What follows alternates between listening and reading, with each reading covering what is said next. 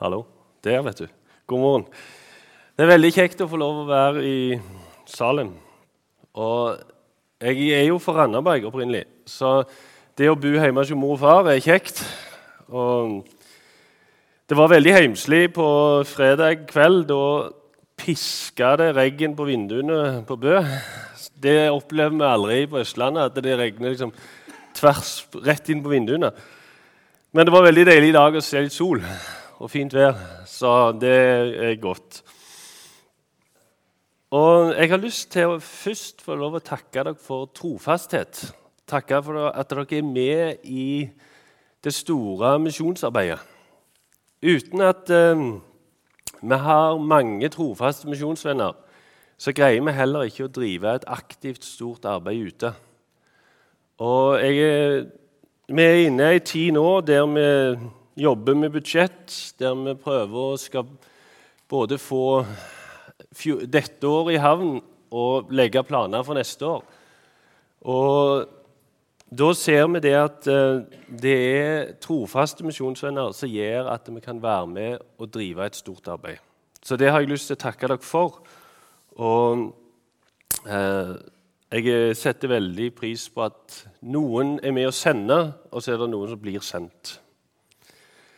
Teksten i dag den er fra Markus kapittel 10, fra vers 28, og der står det i Jesu navn. Peter tok da til orde og sa til ham, Se, vi har forlatt alt og fulgt deg.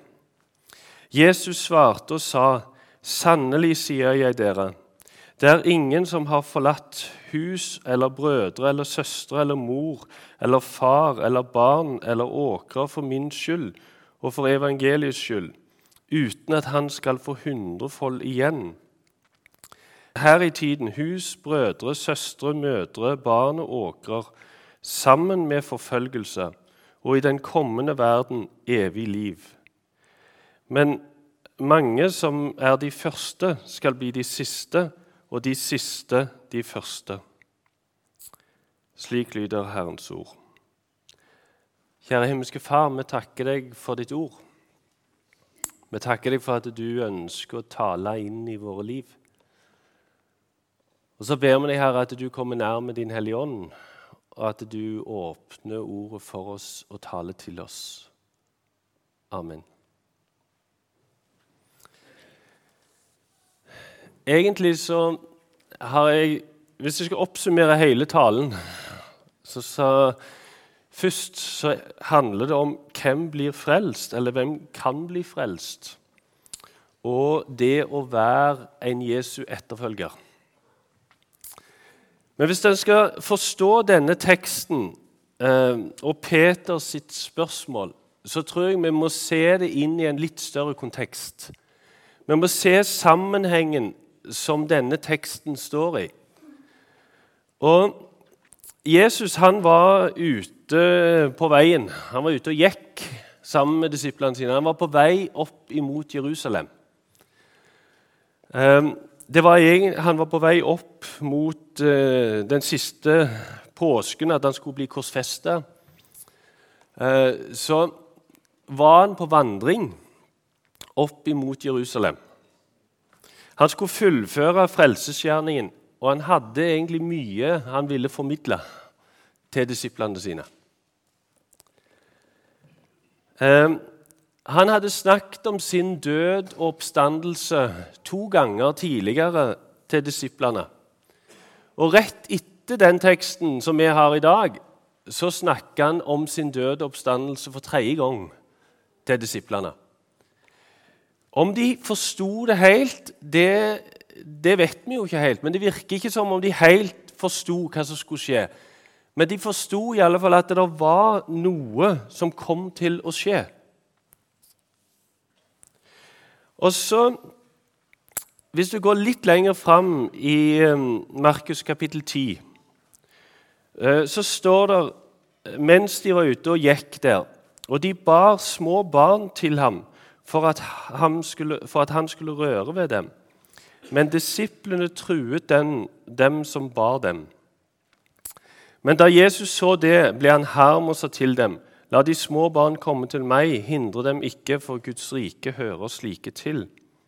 Sannelig sier jeg dere, den som ikke tar imot Guds rike som et lite barn, skal slett ikke komme inn i det. Og han tok dem på fanget og la hendene på dem og velsignet dem. Uh, og han Ja, så stopper der. Nå skal jeg ta resten etterpå. Han tok dem opp på fanget og velsignet dem. Så her møter vi på vandringen at uh, det var mange som kom med små barn til Jesus.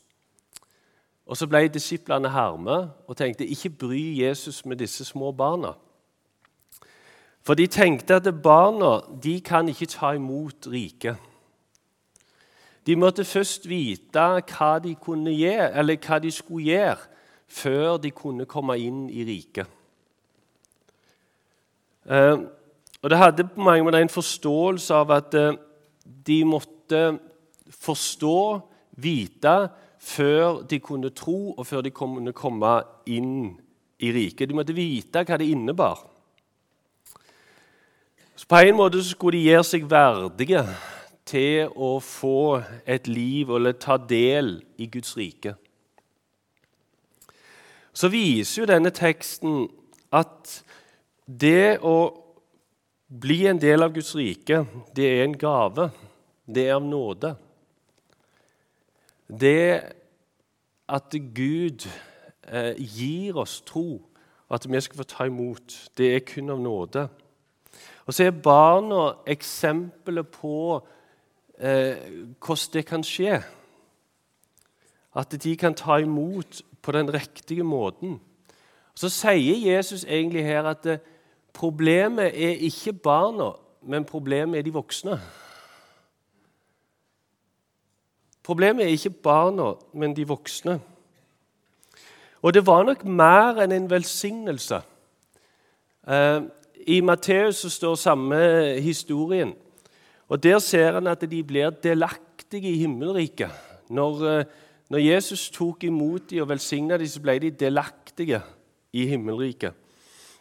Og de fikk komme inn i himmelriket. Det kunne en snakket mye om dåpen og forskjellig sånn i forlengelse av det. Det har vi ikke tid til i dag.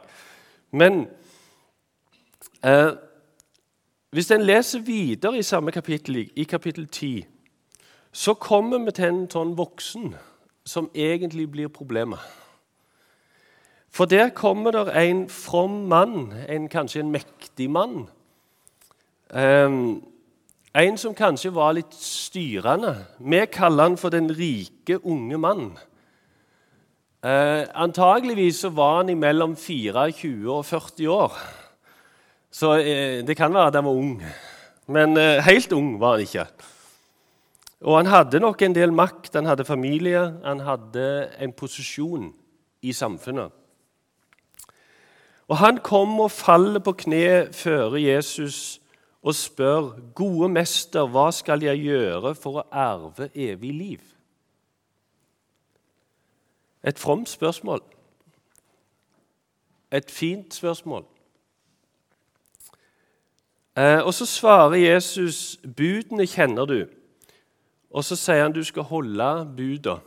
Og Så svarer den eh, rike, unge mannen, 'Mester, alt dette har jeg holdt fra jeg var ung.' Han, eh, han, var helt klart en from mann. Og så står det Da så Jesus på ham og fikk ham kjær. Og han sa til ham, Én ting mangler du. Gå bort og selg alt du eier, og gi det til de fattige. Og så skal du få en skatt i himmelen. Kom så og følg meg. Men han ble trist til sinns for dette ordet han ble trist til sinns for dette ordet og gikk bedrøvet bort, for han var meget rik. Her eh, møter vi en mann som vil, og som ikke vil. Han vil, men når han ser kostnadene ved å følge, så vil han ikke. Og hva var det som hindra denne mannen? Han eh, hadde tydeligvis en kamp i seg. Han lengta, han ville, eh, samtidig som han ikke vil gi slipp på si, sine bevisste synder, det som holdt han tilbake. Kanskje sin egen sikkerhet. Han hadde nok sett skatten, men han ville ikke satse alt på å finne den skatten, eller holde den skatten. Og Så leder det til et spørsmål i, kapittel, i vers 26 i Markus 10. Hvem kan da bli frelst? Hvem kan da bli frelst? Der hadde Jesus sagt at det var lettere for en kamel å gå gjennom et nåløye enn for en rik å komme inn i himmelriket. Og så konkluderer de med å si hvem kan da bli frelst? De var enda mer forferdet og sa til hverandre, hvem kan da bli frelst? Jeg syns dette er ransakende for oss som lever i verdens rikeste land. Så er dette en tekst som er ransakende for oss. Eh, og Vi skal se det når vi kommer litt lenger ut i teksten òg. Men Jesus hadde undervist om dette mange ganger. Allerede i bergpreika ser vi at Jesus har dette budskapet. Så forkynner Jesus om dette mange ganger. Og nå når det nærmer seg slutten, så er det tydelig at han ønsker å ta det opp igjen. Fordi at det var viktig. Og så står, sier Jesus ehm, For mennesker er det umulig, men ikke for Gud. For alt er mulig for Gud. Altså, Hvem kan da bli frelst? Jesus så på dem og sa, For mennesker er det umulig, men ikke for Gud. For alt er mulig for Gud. Du sang her eh, rett før veien I tried to fix it myself, but was always worse when I came through. Det tror jeg mange av oss har opplevd, at hvis vi prøver å fikse dette sjøl, så blir det bare verre når vi har prøvd å kjempe og prøve å fikse det sjøl. Og Der tror jeg teksten i, i, om de små barn peker tilbake igjen. Eh, hvordan var det med de små barn? Jo, de tok imot det som en gave.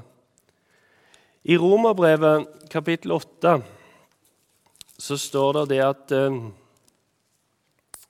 I vers 3 For det som var umulig for loven fordi den var maktesløs på grunn av kjødet, det gjorde Gud. Han som sendte sin egen sønn i syndig kjøds lignelse for syndens skyld og fordømte synden i kjødet. Det som var umulig for loven, grunn, for den var maktesløs på grunn av kjødet. Denne unge mannen han hadde prøvd å følge loven, og så så han allikevel at det, det, han, han ville prøve å oppfølge loven. Men så fikk han ikke oppleve det at han var maktesløs pga. kjødet. Og så fikk han ikke se at Gud har gjort alt. Det gjorde Gud, han som sendte sin egen sønn i syndig kjøds lignelse. Så står det i Romerbrevet 8,1.: Så er det da ingen fordømmelse for den som er i Kristus Jesus. Jeg skulle ønske at den rike unge mannen hadde kommet dit. At han fikk se at det var ingen fordømmelse for den som var i Kristus Jesus. Og det ønsker eh, jeg å være med og formidle i dag. At det å, å prøve å oppfylle loven, som vi har så lett for å gjøre, det er en maktesløs vei. Men Gud har fullført frelsesverket. Og det er ingen fordømmelse for den som er i Kristus Jesus. En av lesetekstene var fra Jesaja 1. Kom, la oss gå i rette med hverandre, sier Herren, for deres synder er som purpur, og de skal bli hvite som snø. Og de, er, eh, og de er røde som skalagen, og de skal bli hvite som ull. Jeg hadde en karriere en stund som blomsterselger på torget i Stavanger. Jeg vet ikke om det var noen som solgte, kjøpte blomster eh, hos meg der. Jeg sto hos Gustav Kolnes og solgte blomster på torget. Um, og det, Vi sto jo ute, og så hadde vi ei svær bøtte som sto helt nede på hjørnet, med knall røde roser. Sånn knallrød som jeg tenker på her når det, når det står skalagen, når det står purpur. De var sånn knallrøde. Og så var det jo ikke alltid det var fint vær i Stavanger når vi sto på torget. Det var veldig sjelden, egentlig. Eh, men det var en gang vi sto der, så begynte det å snø. Og så la det seg et lag med snø oppå disse knallrøde rosene. Og så ble de dekt av snø. Og da tror jeg det var første gang jeg liksom forsto dette verset her. At eh, det som skjer eh, med det som var så syndig, så knall så, så, så rødt som det bare gikk an å bli, det fikk et, et dekke over seg. Og så ble det kvaska kvitt i lammets blod, som det står i Johannes' oppmaring. Det er jo òg et rart uttrykk, at du kan vaske noe kvitt i, i, blod. Men i Bibelen så kan du gjøre det. Og så ble det dekket lagt over denne rosa, og så ble det helt kvitt. Eh, og det er det å få lov å være et Guds barn, er å ha denne kappen over seg, denne Kristi rettferdighet, som dekker vårt liv. Det som bare Gud kunne gjøre. I hebreerbrevet så står det at eh, på grunn av Jesu blod har vi frimodighet til å trå like inn i helligdommen. Det ligger som et eh, veldig bakteppe inn i den teksten vi hadde i dag. At vi skal få lov til å At det er bare Gud som kan fri oss ut. Det er bare Han som kan frelse oss. Og så kommer Peter sitt spørsmål. Peter tok da til orde og sa til dem.: Men vi har forlatt alt og fulgt deg. Det ligger noe sånn veldig sånn på en måte litt bekymring, litt sårhet, i Peters sitt spørsmål. Hva med oss? Jeg måtte gå tilbake til Matteus 4 og lese om når Peter og Johannes og disse her ble kalt. Og Det er jo en underlig historie. Fra den tid begynte Jesus å forkynne og si, 'Omvend dere, for himmelens rike er kommet nær.' Da han vandret langs Galileasjøen, fikk han se to brødre, Simon, som kalles Peter, og hans bror Andreas. De var i ferd med å kaste not i sjøen, for de var fiskere. Jesus sier til dem, 'Følg meg, så vil jeg gjøre dere til menneskefiskere.' De forlot da straks sine garn og fulgte ham. På veien videre, eh, videre derfra han, eh, fikk han se to andre brødre, Jakob, sønn av Sebedeus, og hans bror Johannes. De satt i samme båten med sin far Sebedeus, i ferd med å bøte garn, og han kalte dem. Og de forlot straks båten sin og sin far og fulgte han. Det virker så veldig enkelt. Jesus kom der og Følg meg, jeg skal gi dere til menneskefiskere. Og straks så forlot de. Og der sitter Johannes sammen med faren. Og faren trengte sikkert hjelp til å fikse disse garna. Og så står det der at de forlot både båten og garnet og faren. Jeg tror nok egentlig ikke at det var så enkelt. Jeg tror at eh, det kosta. Og det kosta nok for familien deres òg. Det er en veldig sånn komprimert historie vi får. Men det var nok mer følelser i det enn det som står i teksten. Vi som lever i en vi lever nok fortsatt i en kristen majoritetskultur i Norge. Det å velge å følge Jesus i Norge vil, det får noen konsekvenser. Men det er likevel ikke så dramatisk, tror jeg. For mange mennesker i dag i verden så er det å følge Jesus Det betyr forfølgelse. Det sto her at eh, de skulle få sammen med forfølgelse. Det var en eh, aksjon her i Stavanger tidligere i uka der en hadde fakkeltog for de forfulgte. Det er mange millioner mennesker i verden i dag som blir forfulgt pga. sin tro. Det er veldig mange land som har begrensa trosfrihet. Og Det gir inntrykk å møte mange av disse menneskene. Jeg har vært og møtt kristne i Sentral-Asia.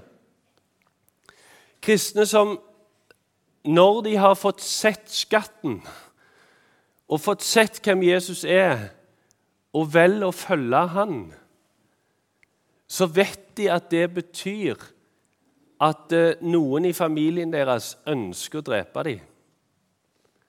Noen i familien deres vil se det som sin plikt å drepe dem fordi at de har valgt å følge Jesus. Og hvis de ikke gjør det, så vil de bli iallfall utstøtt. De vil bli gjort arveløse. De vil kanskje bli sett på som ikke-eksisterende. Og De har sett perlen og ønsker å ta del i den. Og noen bryter helt ut og, og tar hele kostnaden ved det. For andre så tar dette tid. Jeg skulle ønske at uh, våre brødre fra Egypt her kunne ha delt litt om det de opplever i sitt land. Der det koster å følge Jesus.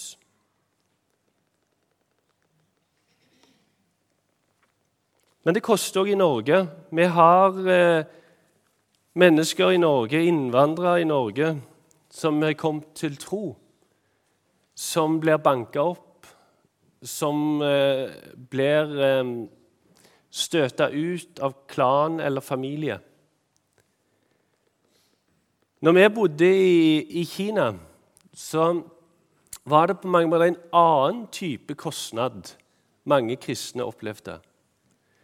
De, hvis du var medlem i kommunistpartiet og valgte å bli en kristen, så kunne du bare se vekk ifra alt som heter promotion. Hvis du sto fram som kristen, så kom du ikke videre i karrieren. Eh, og i verste fall så mista du jobben din. Eh, det koster å følge Jesus. Og Jesus anerkjenner denne kostnaden. Han anerkjenner at det koster å følge han. Men så sier han det at eh, dere skal få 100 ganger igjen. Eh, jeg tror ikke at det betyr eh, at vi skal bli materielt veldig, veldig rike. Jeg tror ikke det er det som ligger i, den, i det løftet. Men det som en ser rundt omkring Eh, for mange av de kristne som virkelig bryter ut eh, og mister familien sin, mister alt som sto rundt dem, de får en ny familie. De får nye brødre og søstre som lager et bånd som er mye sterkere enn det de har opplevd før. Og noe av det, det største i min jobb, syns jeg, det er å reise rundt og møte brødre og søstre fra andre land, andre stammer, andre folkeslag. Og kjenne det at i Kristus så er vi brødre og søstre. I Kristus så har vi fellesskap. Der, den familien, den er stor. Og der kan vi oppleve et fellesskap. Og Så ser vi med de første kristne altså Peter og Johannes de hadde brutt med familien. De hadde forlatt alt. Peter står det, hadde ei svigermor, så hun virka til å være med. Eh, men eh, de første kristne de delte alt. De hadde et veldig fellesskapsopplevelse. Og Så ser vi etter hvert at det tok andre former. Men det at de opplevde den store fellesskapet, det tror jeg eh, mange i verden i dag opplever. Og det er nok annerledes for oss som lever i en kultur der kristendommen har vært lenge, der kristendommen har gått i generasjoner, der vi er i en type majoritetskultur, så, så greier vi ikke helt å forstå hvordan det er for mange kristne i en første generasjons kristen kultur å bryte ut, og der de får en helt nytt fellesskap. Og Så sier Jesus òg at dette er midlertidig. Det er noe lenger framme. Det er en evighet. Og Det er òg et veldig viktig aspekt i, i, Bibelen. At vi er på vandring. Vi er pilegrimer her fordi at vi har valgt å følge etter Jesus, og vi er blitt del i et rike som er evig. Og Så er det ett vers til her som vi skal bruke litt tid på på slutten. Men mange som er de første, skal bli de siste, og de siste de første. Et ikke helt enkelt vers. Men mange som er de første, skal bli de siste, og de siste de første. Jeg tror et av budskapene er at Guds rike er annerledes enn det menneskelige. I Guds rike så gjelder det noe andre lover. Hvis vi ser i, i Matteus 19 eh, der står samme teksten som vi har i dag. Men rett etter teksten vår og etter dette verset her, så kommer lignelsen om arbeiderne i vingården. Der eh, noen hadde jobba mange timer, og så kom det noen som jobba én time. Og så når de fikk lønn, så fikk de samme lønn. Og Der avslutter også Jesus med å si slik skal de siste bli de første, og de første de siste. Jeg tror det hadde blitt bråk til og med i NLM hvis vi hadde prøvd å innføre at det var, om det var tolv timer eller én time, så var det lik lønn. Men i Guds rike så er det annerledes. Kampen om posisjoner, kampen om fortjeneste, kampen om rangordninger der tror jeg at eh, Jesus ville vise disiplene at dere må ha på noen andre briller. Dere må se dette på en annen måte. Så kan vi spørre forsto disiplene dette. Eh, leser du litt lenger ut i Markus 10, rett etter teksten vår, og Jesus har sagt at han skal komme igjen. Og så står det um, Jakob og Johannes, CBDU-sønnene, kom til ham og sa:" Mester, vi vil du skal gjøre for oss det vi ber deg om. Han sa til dem, Hva vil dere så at jeg skal gjøre for dere? De sa til ham, Gi oss at den ene av oss må sitte ved din høyre og den andre ved din venstre side i din herlighet. Hadde de forstått det? Um. Jesus fortsetter denne historien, og så sier han Men slik eh, skal det være blant dere. Men den som vil være stor blant dere, skal være alles tjener. Og den som vil være den første blant dere, skal være alles trell. For heller ikke menneskesønnen er kommet for å la seg tjene, for, uh, for, men for selv å tjene og gi sitt liv som løsepenge i mange sted. Jesus tar de inn i det som skulle komme, at han skulle lide døden eh, som en løsepenge. Han skulle gå tjenesten fullt ut og fullføre frelsesverket. Og som han lot seg tjene, sånn skal vi la oss la, vi òg tjene. I Johannes 12, eh, vers 26, så sier Jesus Det er egentlig i samme, samme tidsrom. Men den som vil tjene meg, han må følge meg. Der jeg er, skal også min tjener være. Om, tjener, eh, om noen tjener meg, han skal Faderen ære. Men den som vil tjene meg, han må følge meg. Eh, og, det, det, og det jeg er, skal også min tjener være. Paulus han sier noe av det samme i Galaterbrevet 2. Um,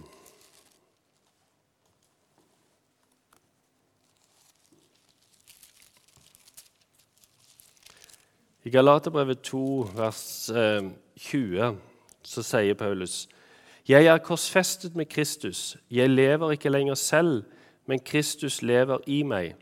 Det liv jeg lever i kjødet, det lever jeg i troen på Guds sønn, Han som elsket meg og ga seg selv for meg. Jeg har skrevet i min bibel 'Les det verset baklengst'.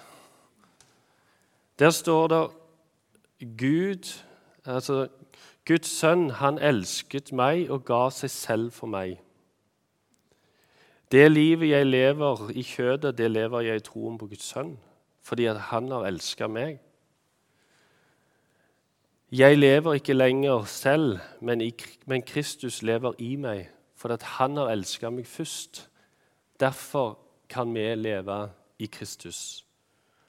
Og så jeg er korsfestet med Kristus. Jeg har lyst til å avslutte med å be det som var den andre leseteksten som vi leste i dag fra 1. 2. Tessalonikerbrev, kapittel 1. Derfor ber vi også alltid for dere at vår Gud må akte dere verdige for sitt kall, og at Han må fylle dere med all lyst til det gode og med kraft til troens gjerning, så at vår Herre Jesu navn må bli æret ved dere, og dere ved ham, etter vår Guds og Herre Jesu Kristi nåde. Amen.